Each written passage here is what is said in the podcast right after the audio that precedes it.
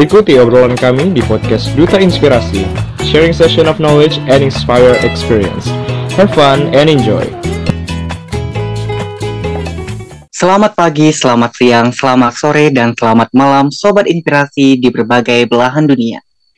Gimana nih kabar Sobat Inspirasi hari ini?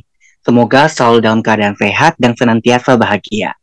Oke, sebelumnya aku Rahmat selaku Duta Inspirasi Indonesia Base 8 dari Provinsi Sumatera Barat yang akan menemani Sobat Inspirasi pada podcast kali ini. Wah, seneng banget bisa menyapa Sobat Inspirasi dan menemani kalian dalam segmen Pildun, Podcast Inspirasi Lintas Dunia episode 2 dengan tema Mengintip Jejak di Negeri Kangguru.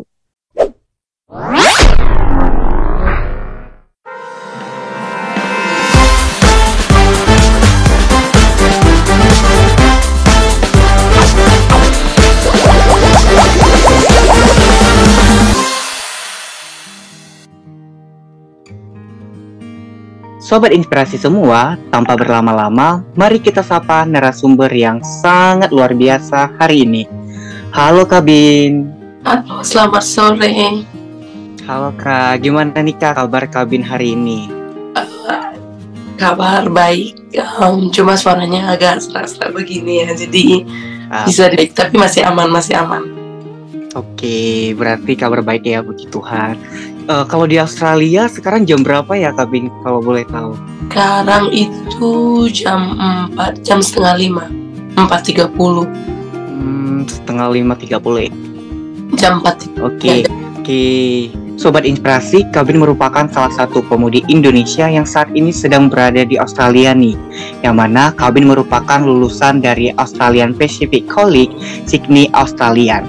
Dan Kabin juga sudah memiliki pengalaman kerja nih di Australia. Keren banget kan Sobat Inspirasi? Oh ya Kabin, agar Sobat Inspirasi uh, lebih mengenal kakak nih, boleh banget kakak memperkenalkan diri nih kak. Silakan kak. Halo semuanya, jadi nama aku, oh, nama lengkap Niko Bini Kosari. Sorry agak agak nggak jelas ya. Uh, nama aku Niko Bini Kosari bisa dipanggil Biniko atau biasanya orang manggil Bin biar simple ya. Aku umur 24, uh, berasal dari Gianyar, Kabupaten Gianyar, uh, Bali, Indonesia. Aku di sini pertama kali ke sini 2018 terus kemarin sempat pulang lagi dan balik lagi di tahun 2021 sampai sekarang aku uh, kuliah di sini sambil kerja juga Wow, berarti cukup lama ya kak di Australia dan keren banget nih kak kakak di Australia kuliah sambil kerja. Ih, kayak itu kayak sebuah mimpi aku juga sih kak bisa kuliah sambil kerja. Oh ya nih kak, kalau kita berbicara tentang luar negeri nih, khususnya Australia kiri kan. Banyak sekali generasi muda Indonesia yang memiliki mimpi untuk bisa keluar negeri ini kak. Baik itu untuk melanjutkan pendidikan ataupun berkarir di sana. Nah berkaitan tadi kak uh, kakak mau menginjak langkah ke luar negeri nih pasti kakak tuh kayak benar-benar selektif dan sedetail mungkin untuk memutuskan negara mana nih yang kakak ingin tuju. Dan berkaitan dengan itu apa sih kak yang mendasari kakak untuk memilih Australia sebagai negara tujuan untuk menempuh pendidikan ataupun berkarir di sana kak? Nah sebenarnya dari awal itu sebenarnya uh, kalau boleh jujur nih, aku sebenarnya nggak ada planning buat kerja apalagi kuliah di luar ya. Aku emang pengennya buat di Bali aja atau emang di Indo. Tapi uh, pasti tamat kuliah, uh, sorry tamat SMA emang planningnya mau kuliah di Indo di Bali lah di Indo di mana pun gak kepingin buat keluar. Tapi orang tua kayak tetap nanyain lagi kamu yakin? Kamu masih muda? Terus hmm, ada kesempatan buat keluar. Kamu gak mau keluar gitu. Soalnya orang tua lebih setuju biar kamu keluar keluar dari Indo. Jadi lebih banyak pengalaman sama ketemu orang baru gitu. Alasan memilih Australia itu karena satu di sini udah ada saudara-saudara aku. Jadi aku tiga bersaudara, ada aku punya dua kakak, yang pertama sama yang kedua di sini. Terus suami dari kakak aku yang pertama juga di sini. Dan kebetulan banyak juga beberapa saudara-saudara lain yang udah stay lama di sini. jadi karena terus yang itu alasan yang pertama kan alasan yang kedua itu karena Australia itu paling deket nih sama sama Bali. Jadi cuma 5 atau 6 jam direct flight nggak perlu transit nggak perlu mahal bayar tiket udah langsung nyampe sini gitu. Terus um, peluang kerjanya banyak di sini. Yang alasan yang ketiga itu peluang kerjanya banyak. Aku dengar-dengar cerita dari saudara mereka bilang maksudnya kayak banyak banget orang-orang dari negara selain maksudnya negara-negara lain tuh juga incarannya ke sini. Jadi kita dibilang Australia itu peminat internasional studentnya paling banyak di sini gitu. Jadi itu, aja sih alasanku. Oke kak, berarti memang orang dari orang tua juga tuh mendukung dan mendorong banget ya kak agar kakak bisa kuliah di luar negeri dan selain itu kakak juga banyak keluarganya nih di Australia makanya Australia uh, sebagai negara pilihan kakak dan kakak juga kayak memang membaca gitu banyak sekali peluang-peluang kerjanya juga iya makanya kakak mau minta Australia mm -mm. Mm -mm. soalnya oh ya kak uh, mau tahu juga nih kak waktu kakak tinggal di Australia di kota mana ya kalau boleh tahu kak apa pernah tinggal di kota lain mungkin seperti uh, Melbourne atau uh, memang sudah stay dari awal di kota yang kakak tinggal sekarang ini kak? Pertama kali nyampe sini memang di sini karena uh, pas apply visanya untuk sekolah memang di, sini juga. Tapi untuk sekolah, untuk kerja memang stay di Sydney dari awal. Cuma sebelum menetap di sini, aku sempat tinggal juga di Queensland. Kayak sebulan dua bulan buat cari kerja sebelum kuliah mulai uh, start. Jadi kayak pas pertama kali aku flight ke sini, ada durasi dua atau tiga bulan sebelum kuliah dimulai kan. Jadi aku di sini agak susah awalnya cari kerja kan. Jadi aku pengen cari pengalaman aja di kota lain. Jadi sempet tinggal sebulan dua bulan di Queensland. Terus seminggu sebelum kuliah mulai aku flight balik ke Sydney. Tetap di Sydney terus cari kerjaan juga gitu. Wih keren sih kak kakak bisa kuliah sambil kerja nih mantap jiwa nih kak oh ya kak nah, uh -uh. selanjutnya nih aku mulai di Australia kakak pernah mengalami homesick atau cultural shock nih kak soalnya kan ini Australia ya kak bukan beda kota atau beda provinsi ini tuh udah beda negara nih kak dan kalau misalkan kakak pernah mengalami homesick atau culture uh, culture shock. Gimana sih kak cara kakak menghadapi problem tersebut? Mungkin kakak boleh sharing-sharing nih ke kami kak. Nah untuk masalah culture shock sama homesick itu kan udah wajar ya. Tiap orang merantau terus orang keluar dari zona nyaman itu mereka pasti udah apa menghadapi hal seperti itu. Kayak culture shock, homesick udah pasti. Nah dulu sebelum aku ngambil keputusan buat flight ke sini kebetulan aku emang udah ada les bahasa Inggris terus di tempat les juga apa dari guru-guru dari lingkungan tempat les juga udah kayak kita pelajarin oh kamu tujuannya mau ke mana? Oh Australia. Jadi di tempat les kebetulan dijelasin sama mereka juga oh Australia kayak gini loh udah ada bayangan gimana masalah orang-orangnya terus masalah culture di sini kayak gimana, kebiasaan di sini kayak gimana. Dan kebetulan dari saudara-saudaraku juga udah dikasih bayangan, oh di sini kayak gini loh kamu harus ready. Bukan masalah mental aja, tapi fisik juga. Karena kerjaan di sini mungkin sama ya ada hospitality, sama kayak di Bali gimana kerjaan di Bali. Cuma orang-orangnya beda, lingkungan kerja juga beda, situasi kerja juga beda dan terutama bahasa. Kamu nggak bisa nih kita bahasa Indo bahasa Bali kamu tuh harus bisa apa pelajarin bahasa Inggris yang kayak benar-benar dipelajarin bukan yang kayak sekedar belajar aja. Tapi emang harus benar-benar diperhatiin nyampe sini terus uh, sebelum apa pokoknya setahun atau dua tahun sebelum aku uh, flight ke sini udah dikasih bayangan gimana situasi di sini. Terus aku mikir sebelum flight kayak hmm, kayaknya oke okay sih pasti bisa pasti bisa. Nah pas baru nyampe sini agak berat juga terutama homesick itu. Karena banyak banget hal-hal yang kayak beda sama situasi di rumah. Misal nih situasi di rumah kayak apa? Bilang pertama culture shock yang orang-orang di sini itu ramah. Ramah kalau misalnya kita belanja. Nah staffnya itu pasti ramah kan maksudnya?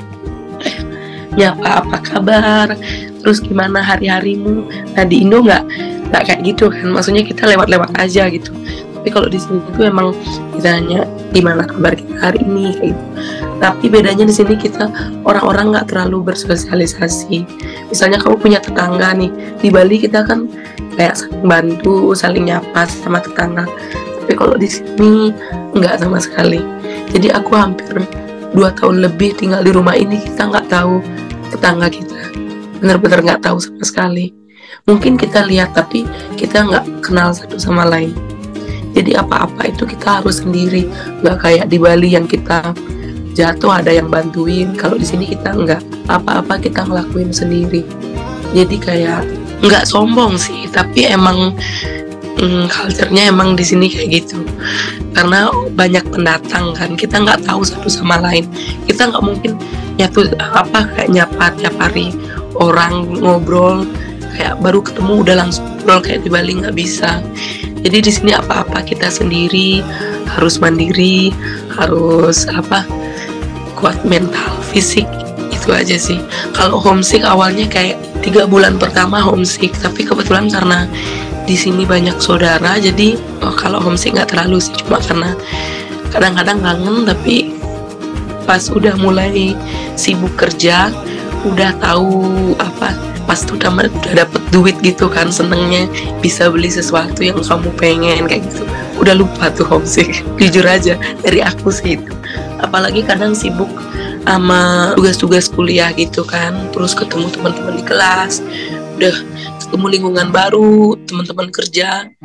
Lama-lama nggak kerasa. Jadi tiga bulan pertama tuh emang bener-bener homesick banget. Kayak kangen sama teman-teman. Di sini kok kayaknya susah banget nyari teman. Kalau kamu nggak pintar bergaul di sini susah banget nyari temen karena orang nggak bakal langsung datang ke kamu ih ini nama aku nama aku ini. Kita jalan yuk. Nggak bisa jadi kita kayak emang bener tahu orang itu bener-bener tahu orang itu misalnya satu tempat kerja uh, tiap hari ketemu, tiap hari diajak kerja bareng. Nah, baru kita bisa akrab. Misalnya aku udah hampir dua tahunan kuliah kan, padahal kita satu kelas sama, terus presentasi dengan orang yang sama, tapi kita nggak akrab sampai sekarang. Kita kayak ya udah kita ngobrol pas kita di kelas aja. Kalau udah di luar, kita udah sibuk sama kerjaan, sama urusan masing-masing. Jadi beda banget sama situasi kayak di Bali. Di sini sosialisasinya kurang sih, menurutku. Dengan aku yang udah biasa seneng ngobrol orangnya. Jadi nyampe sini agak kaget juga. Kok orang-orang kayak mm, sombong-sombong gitu ya. Sebenarnya mereka nggak sombong cuma kayak mereka tuh punya kesibukan masing-masing. Di sini tuh lebih time is money. Jadi mereka nggak mungkin apa ngabisin waktu buat kayak bro tiba-tiba dengan orang yang nggak dikenal gitu. Nggak kecuali tempat kerja apa teman kerja teman kampus ya mungkin ya gitu. Terus culture shocknya lagi itu nah kayak mereka tuh di sini banyak yang bule-bule di sini terutama ya. Mereka tuh mak, uh, biasa pakai Australian slang. Jadi kayak bahasa Inggris yang kita pelajaran di rumah itu sedikit berbeda di sini. Jadi pasti tempat kerja mungkin kita bisa aplikasikan itu. Pasti di kelas, pas kuliah terus kita bisa aplikasikan itu. Tapi kalau pas ngomong sehari-hari itu kadang mereka pakai kayak ada Australian slang gitu bahasa gaulnya mereka. Itu tuh awal-awalnya aku juga gak bingung ya. Misalnya kayak break itu. Kita kan biasa bilang breakfast buat sarapan. Mereka bilangnya breki kayak gitu. Terus kayak bilang kita biasa bilang sore afternoon kan. Terus di sini mereka bilang kayak afro kayak gitu. Jadi ada awalnya agak susah. Tapi lama-lama terbiasa udah sering dengar udah udah jadi makanan sehari-hari lah. Jadi udah terbiasa gitu gitu aja sih. Oh berarti di Australia itu memang kebanyakan orangnya itu tuh kak uh, kurang bersosialisasi ya kak? Karena menurut mereka time is money ya kak Iya benar dan banget. kakak juga udah mempersiapkan diri nih sebelum em, kakak mempersiapkan diri baik itu dari bahasa Inggrisnya udah les terus Mm-mm. dan kakak menurut aku kakak termasuk orang yang berguna karena eh, punya banyak keluarga di Australia sehingga kayak punya gambaran-gambaran gitu dan bayangan-bayangan di Australia itu nanti seperti apa apa yang akan kakak hadapi ya kak Iya Oke nih benar. kak, aku mau- lanjut nanya lagi Mm-mm, nih kak. mm-mm. Eh, pengalaman kak kabin nih kak, berdasarkan pengalaman kabin selama ini tuh, bagaimana sih kak perjuangan kabin selama berkelana di, Australia hingga sampai di titik saat ini dan eh, hingga sampai di titik saat ini kak. Dan boleh nih kak kasih tips and triknya nih kak untuk sobat inspirasi di seluruh belahan dunia tentang apa aja sih kak yang perlu dipersiapkan sejak dini nih ketika ingin menempuh pendidikan ataupun ingin bekerja di Australia kak. Eh, kalau dari pengalaman aku sendiri ya ini ya. Dari awal nyampe sini itu beratnya sebenarnya itu pekerjaan sih. Itu terberatnya. Karena dari aku nggak bilang aku pinter bahasa enggak. Tapi at least dari bahasa aku ada les dari Bali. Cuma yang paling paling beratnya itu pertama kali itu jauh dari keluarga eh, ibu bapak itu kan. Emang ada kakak di sini cuma harus ngambil keputusan jauh dari orang tua itu berat banget. Terus apa-apa itu kita mulai sendiri di sini. Emang sih ada kakak aku di sini, kita tinggal bareng sebelumnya. Tapi masalah kerjaan, masalah sekolah, masalah urusan pokoknya berkaitan dengan surat-surat apa pun itu kita ngelakuinnya sendiri. Misal nih, pas pertama kali aku nyampe ke sini, kakak aku bilang, "Kamu cari kerja karena kita bayar biar bayar apa semua tagihan di situ kita bayar sendiri-sendiri. Bilanglah bayar sewa rumah transport makan itu kita bayar sendiri-sendiri. Masalah pekerjaan itu beratnya itu ya kayak pas nyari pekerjaan. Kebetulan aku sininya itu tamat SMA jadi pengalamannya bener-bener yang nol banget. Aku sebelumnya tamat SMA terus les di Bali cuma les bahasa Inggris doang nggak ada trial ataupun kerja di tempat mana pun di Bali belum pernah. Jadi pas sampai sini itu bener-bener yang zero experience. Kayak bener-bener yang kayak nggak tahu harus ngapain. Cuma bermodalkan bahasa ke sini. Karena aku mikir oh kita bisa bahasa oke lah. Nanti pasti dapat kerjanya gampang. Itu kan ekspektasiku sebelum berangkat. Nah pas nyampe sini kakak-kakakku saudara-saudaraku mereka juga sibuk kerja kan jadi aku nggak bisa nih bu mereka. Cariin aku kerja nggak bisa. Mereka bisa bantu aku eh, dapat info kerjaan tapi mereka nggak bisa bantu aku di tempat kerja. Jadi dari interview dari training dari apa segala macam itu tempat kerja aku ngelakuinnya sendiri. Misal nih kakakku bilang Komang eh, ada eh, aku sorry aku biasa dipanggil Komang ya di rumah dia agak bingung. Terus mereka bilang eh, ada info kerjaan di restoran ini. Kamu buat eh, CV terus kamu datang ke sana apa ketemu langsung sama manajer atau bosnya. Jadi kakakku nggak bisa mereka nganter aku ke tempat kerja itu nggak bisa. Kayak apa pun berhubungan dengan tempat kerja itu aku ngelakuinnya sendiri jadi buat CV buat resume aku buat sendiri. Terus aku cari alamatnya di mana aku langsung datengin ke tempat kerja. Jadi di Australia ini kebanyakan kita nyari kerjanya itu sendiri-sendiri. Gak ada agency yang kayak apa pesiar atau spa. Aku sih mereka udah dapat kerjaan langsung ya. Tapi kalau ini kita nyari kerjaan sendiri-sendiri. Jadi dari buat CV aku langsung ke tempat kerjanya eh, naik public transport habis ketemu sama bosnya interview. Kalau lulus interview langsung apa trial terus ya kayak gitu. Kita ngelakuinnya sendiri-sendiri. Awalnya itu perjuangan terberat sih. Jadi kita langsung dihadapin sama orang yang nggak kita kenal. Bagusnya tapi ada sa- satu apa satu sisi kayak di ada temenku yang dia eh, dikenalin tempat kerja terus dianterin. Itu kan beda kasusnya lagi. Itu nasibnya itu dia en- enak ya nasibnya dia. Cuma kalau aku mm, dari melamar kerjaan interview trial segala macam sendiri. Jadi kita apa pun di tempat kerja itu misalnya kayak perlakuannya mereka tuh kita harus ready. Nggak cukup bahasa doang yang dipersiapin sebelum berangkat itu tapi fisik mental terus ya itu menurutku yang paling penting itu persiapin fisik sama mental. Kalau fisik di sini kerjanya emang bener-bener yang bener-bener kerja. Nggak cuma nontonin atau sekedar bantu-bantu enggak karena di sini kan hitungannya per jam ya. Jadi lebih satu menit pun kamu bakal dibayar.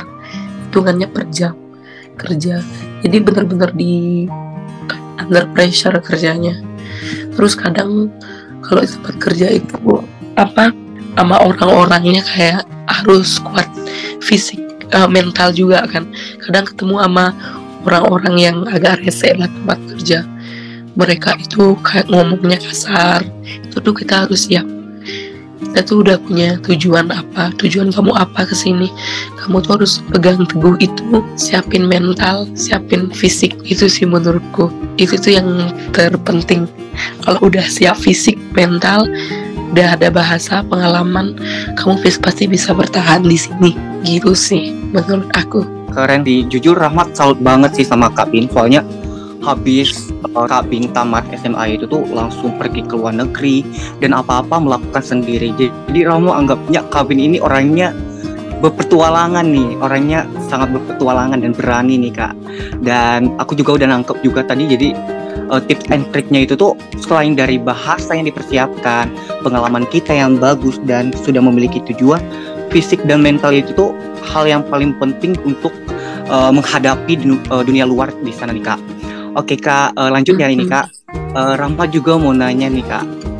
Jadi sobat inspirasi ini, ini sudah banyak uh, mengirim kami pesan-pesan nih kak, dan mm-hmm. ingin bertanya sama kakak. Jadi mau mewakili sobat inspirasi nih kak, ingin bertanya um, apa aja sih kan nih hal menarik di Australia? Baik itu mungkin dari segi pendidikannya atau dari segi berkalir di sana? Mungkin berbeda nih kak di luar berbeda nih kak dengan uh, di Indonesia. Nah kalau menurutku dari segi pendidikan itu nggak terlalu banyak ya. Maksudnya kayak karena perbandingan aku sekolah sama kerja ini bisa dibilang 40 persennya sekolah 60 persennya aku kerja.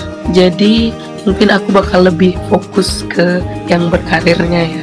Karena kebetulan aku sekolahnya di sini uh, sekolah college bukan yang universitas. Jadi itu beda lagi. Kalau uni itu dia beda lagi itu. Tapi dari pengalamanku sekolah di sini bagusnya itu mereka itu juga nggak kayak masih kebebasan kamu skillnya apa. Apa? Kita tuh dikasih ruang buat kayak uh, apa merealisasikan kayak skillnya kita apa gitu loh.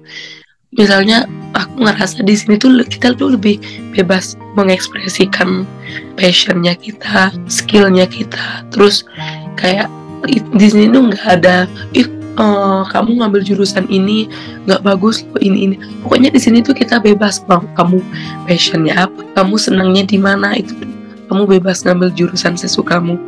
Dan di sini nih jurusan apa pun yang kamu ambil itu dia tuh ada kayak bisa dibilang uh, lapangan kerjanya banyak. Gitu. Terus enaknya di sini kuliah itu ada privacy juga kan. Jadi setahu dulu karena dulu aku nggak kuliah di Bali tamat SMA aku langsung ke sini.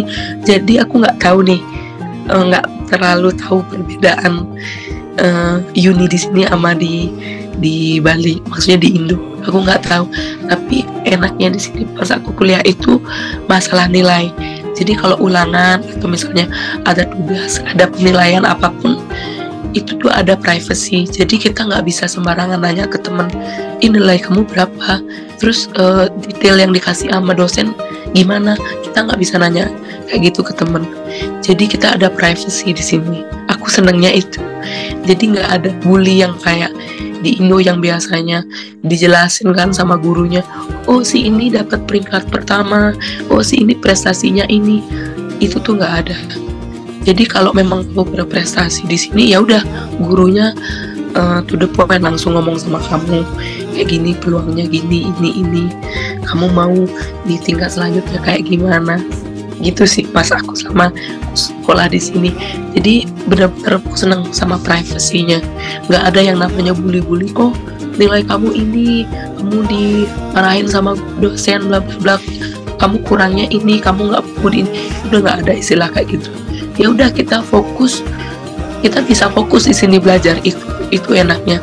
Jadi kayak misalnya ada exam kita ada tugas kita bisa ngerjain fokus ngerjain itu jadi masalah nilai masalah kayak standar dosennya itu kita langsung fokus aja gitu sama dosennya langsung.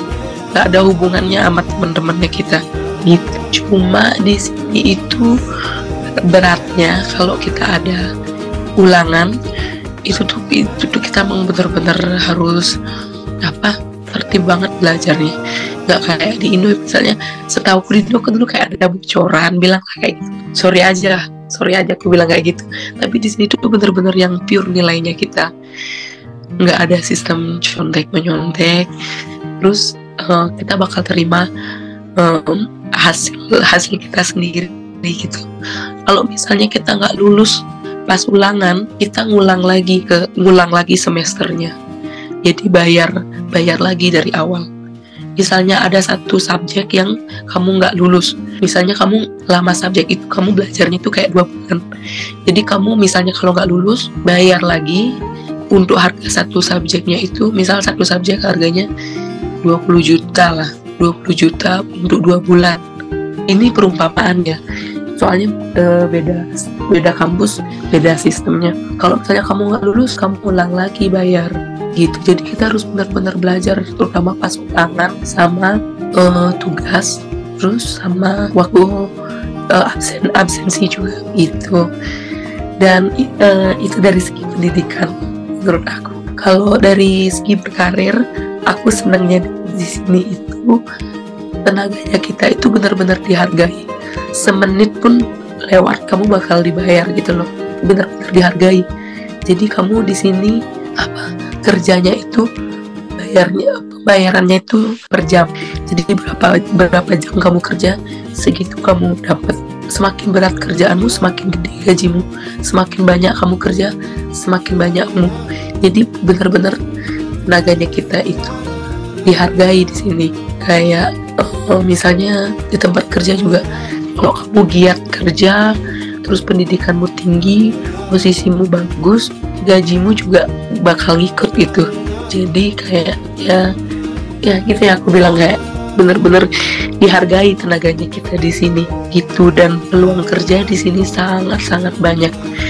Apa pun skillmu apa pun passionmu di sini selalu ada ruang buat mengekspresikannya. Jadi nggak cukup nggak nggak menonton temanku ngambil ini aku harus ikut ini. Nggak kayak gitu. Jadi kamu apa senangnya di apa hospitality? Kamu bisa masuk ke hospitality misalnya kamu punya banyak peluang kerja di sini. Itu itu aja sih. Yes, oke okay, Kevin oh, salut sih. Rama juga baru tahu ternyata di Australia itu menganggap nilai adalah privasinya mahasiswa. Jadi kita nggak boleh kepo-kepo ya Kevin ya, sama nilai teman kita. Nggak boleh kepo-kepo dan di sana oh, oh, ada banget. remedial di Indonesia ya kak? Hmm, dan ya, kerennya lagi uh, nah itu tuh kayak memberikan kebebasan untuk mengekspresikan fashionnya skill kita yang apa kita punya. Dan kalau bekerja di sana mungkin karena itu ya uh, Kabi kurangnya mereka bersosialisasi karena menganggap tadi time is money. Jadi mereka bekerja untuk uh, dapatkan penghasilan sebanyak-banyaknya gitu kan iya benar oke okay, kak dan di sini mm -hmm. juga kebanyakan kerjanya itu segampang-gampangnya kerjaan pasti pressure-nya tetap ada. Kerja yang paling apa gampang pun pasti pressure-nya ada. Jadi mereka kalau udah libur orang-orang di sini mereka bakal fokus nikmati liburannya mereka. Nggak sama keluarga nggak sama temen nggak sempet tuh nongkrong-nongkrong di luar. Maksudnya nongkrong-nongkrong kayak gimana ya? Kayak ngomongin temen lah gosip-gosip itu nggak tapi mungkin ya pas mereka liburan ya mungkin tapi gimana ya menurutku kayak gitu aja sih sosialisasinya mereka kurang dengan orang asing. Tapi dengan orang-orang yang mereka udah udah kenal kayak teman kerja teman sekolah teman-teman yang udah orang yang sering mereka kerja dalam keseharian itu mereka akrab banget. Tapi untuk orang baru itu mereka nggak sembarangan nyapa gitu loh. Itu menurutku. Jadi Oh, apa pun yang kita kerjain di situ serba mandiri. Misal nih kak kayak kamu ada kecelakaan atau apa juga itu juga culture shocknya sih. Ada kecelakaan orang nggak langsung nyentuh kamu bantuin kamu enggak. Mereka bakal tunggu am- mereka bakal uh, telepon ambulans buat bantu kamu. Jadi kalau di Indo mungkin kalau ada orang jatuh atau ada orang ada insiden apa pun mereka bakal turun langsung kayak bantu kan kalau di sini enggak. Ini kayak misalnya ambulans atau pemadam kebakaran itu yang bakal bantu langsung. Tadi kita nih nggak perlu repot-repot gitu. Soalnya mereka udah tahu gimana cara penanganan yang tepat kan itu jadi kita nggak bisa nih sembarangan bantu orang. Misalnya ada orang jatuh kita nggak bisa langsung bantu itu nggak bisa gitu. Karena ada orang yang lebih tahu cara tepatnya gimana apa melakukan kayak penanganannya tuh kayak gimana yang benar gitu. Nggak bisa kita sembarangan bantu orang di sini. Gitu. Oh, jadi begitu ya kak alasannya. Jadi kita jadi ngerasa agak aman juga ya kak kalau di iya sana. benar banget. Dan gini juga sama kita tuh di sini nggak bisa kepo urusan orang. Misal nih kalau ada orang pacaran kan depan umum kita liatin nih. Kita liatin iya ada orang pacaran ada orang pacaran." itu tuh bisa-bisa kita dilaporin ke polisi gitu. Jadi kayak di sini nih ada privacy juga. Eh, apa? Pokoknya kita yang aman lah di sini aman. Pokoknya itu tuh termasuk apa ya kejahatan mungkin ya. Kalau kita liatin orang terlalu lama kayak gitu tuh tanpa alasan kita liatin orang kayak gitu. Di sini makanya orang ya pas jalan ya fokus-fokus aja. Apa pun yang terjadi kita nggak nggak saling lihat satu sama lain. Kecuali mau ngobrol ya itu beda lagi tapi maksudnya kayak kalau mau jalan ya udah jalan. Ada orang jatuh kayak ada orang ini kayak ada orang berantem kayak ya udah kita lewat-lewat aja. Nggak sampai berhenti liatin orang itu enggak gitu. Yes, keren sih Australia, baru tahu juga nih tentang itu. Oh ya Kabi, kalau kita berbicara soal Australia itu kan, Australia itu kan memang seindah dan sekeren itu ya kak. Dan Ada nggak sih eh, dari Kabin rekomendasi objek wisata yang wajib untuk kami kunjungi nih kak, atau kuliner his eh, yang banget bisa di-spill nih kak? Kalau menurutku tempat yang bagus dikunjungi itu di sini itu pantainya, pantai. Hampir semua pantai di sini cantik cantik banget dan bersih juga bener-bener yang nggak ada sampah. Kalau untuk kuliner aku nggak doyan karena aku nggak nggak nggak terlalu doyan makan di luar jujur aja. Senang sih jalan-jalan tapi kalau untuk makanan aku makanan apa pun aku suka. Jadi bingung mau rekomendasiin yang mana yang paling enak karena makanan yang biasa pun menurutku enak. Jadi kalau di sini menurutku eh, itu tuh pantai yang menurutku bagus buat dikunjungi. Itu pantainya di sini cantik cantik banget sama apa ya sama ada namanya eh, tem- tem- tempat namanya Blue Mountain. Jadi itu tuh kayak aku bilang ya susah juga jelasin ya. Hmm, itu tuh kayak daerah di Sabang gitu. Ada gunungnya gitu. Mm-mm. pandangannya bagus banget.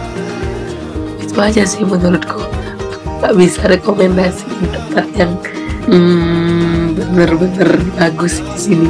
Aku karena pantainya aja cantik gitu aja Oke, berarti rekomendasi dari kakak pantai ya, soalnya Iya. pantai indah dan juga bersih ya kak. Berarti mereka bersih banget cinta, cinta lingkungan banget ya kak. Soalnya kan di sini kalau di tempat sini ya kak, kalau misalkan ngelihat eh, kayak pantai ke pantai itu tuh biasanya suka ada sampah plastik mungkin satu dua atau bahkan banyak. Kalau di sana memang bersih bersih aja ya kak. ya bener banget bersih banget karena mungkin mereka juga apa tiap tempat itu maksudnya nggak jaraknya nggak beda nggak jauh banget. Mereka udah sediain kayak eh, tempat sampah gitu. Dan udah kesadaran dari diri masing-masing sih. Dan di sini juga aturannya eh, kayak apa-apa itu bener-bener kayak misalnya kita melanggar dikit ujung-ujungnya denda. Melanggar dikit ujung-ujungnya denda gitu. Jadi orang udah udah terbiasa sih. Kayak disiplin buang sampah pada tempatnya kayak gitu. Terus di mana-mana juga di sini eh, petugas kebersihannya banyak. Bener yang yang benar-benar bekerja gitu loh. Jadi semua orang udah udah sadar buat jaga kebersihan masing-masing. Gitu. Oke baik kak. Oke Kak Bin, itu tadi uh, live question pembahasan kita mengenai Australia dan perjalanan kakak di sana. Dan semenarik dan seluar biasa itu ya ternyata Australia kak. Semoga one day aku dan sobat inspirasi bisa ke Australia nih kak dan bisa ketemu kakak nih kak. Oke kak, sebelum kita akhiri uh, podcast segmen Pildun kali ini, boleh nih Kak Bin memberikan closing statement untuk sobat inspirasi semua kak. so buat uh, sobat inspirasi semua kalian tetap semangat apa pun cita-cita kalian uh, memang berkelana ke luar negeri itu jadi hampir apa impian sebagian besar semua orang. Tapi apa pun yang sedang kalian kerjakan saat ini apa pun pekerjaan kalian apa pun aktivitas kalian apa pun mimpi kalian kalian fokus di sana. Lakukan yang terbaik berusaha yang terbaik biar bisa kalian mewujudkan cita-cita kalian. Jadi nggak nggak usah fokus sama apa sama perjalanan seseorang. Boleh sih perjalanan seseorang itu dijadiin inspirasi tapi kalau memang apa pun passionnya kalian apa pun skillsnya kalian jangan pernah membandingkan diri diri sendiri dengan orang lain. Karena posisi kita itu eh, tiap orang beda-beda. Maksudnya kalau memang passionmu di sana jangan paksa kamu jadi orang lain. Dan juga sel- kalau misalnya kalian punya apa terjun di lingkungan yang baru kalian harus bisa menyesuaikan diri dengan baik dan fokus dengan apa tujuan sama cita-citanya kalian itu aja thank you ya semangat buat kita semua Oke Kak Bin, terima kasih untuk closingnya. Tuh sobat inspirasi semua, jadi ingat ya seperti kata Kak Bin, jangan pernah membanding jangan pernah membandingkan diri kamu dengan orang lain. Karena kita punya skill masing-masing, kita punya porsi masing-masing dan punya fashion masing-masing. Baik, terima kasih banyak Kak Bin hari ini sudah sharing-sharing dan menemani sobat inspirasi dengan pembahasan yang sangat menarik banget hari ini. Baiklah, terima kasih banyak Kalbin hari ini sudah sharing-sharing dan menemani Sobat Inspirasi dengan pembahasan yang menarik banget hari ini. Untuk Sobat Inspirasi di seluruh belahan dunia, serta semua pendengar setiap podcast Duta Inspirasi, jangan lupa untuk dengari podcast episode-episode selanjutnya, karena kami akan menghadirkan narasumber yang sangat luar biasa dengan tema dan episode yang menarik dan inspiratif pastinya. Aku Rahmat, pamit undur diri dan sampai jumpa. Duta Inspirasi Podcast bergerak terinspirasi, berdampak, menginspirasi.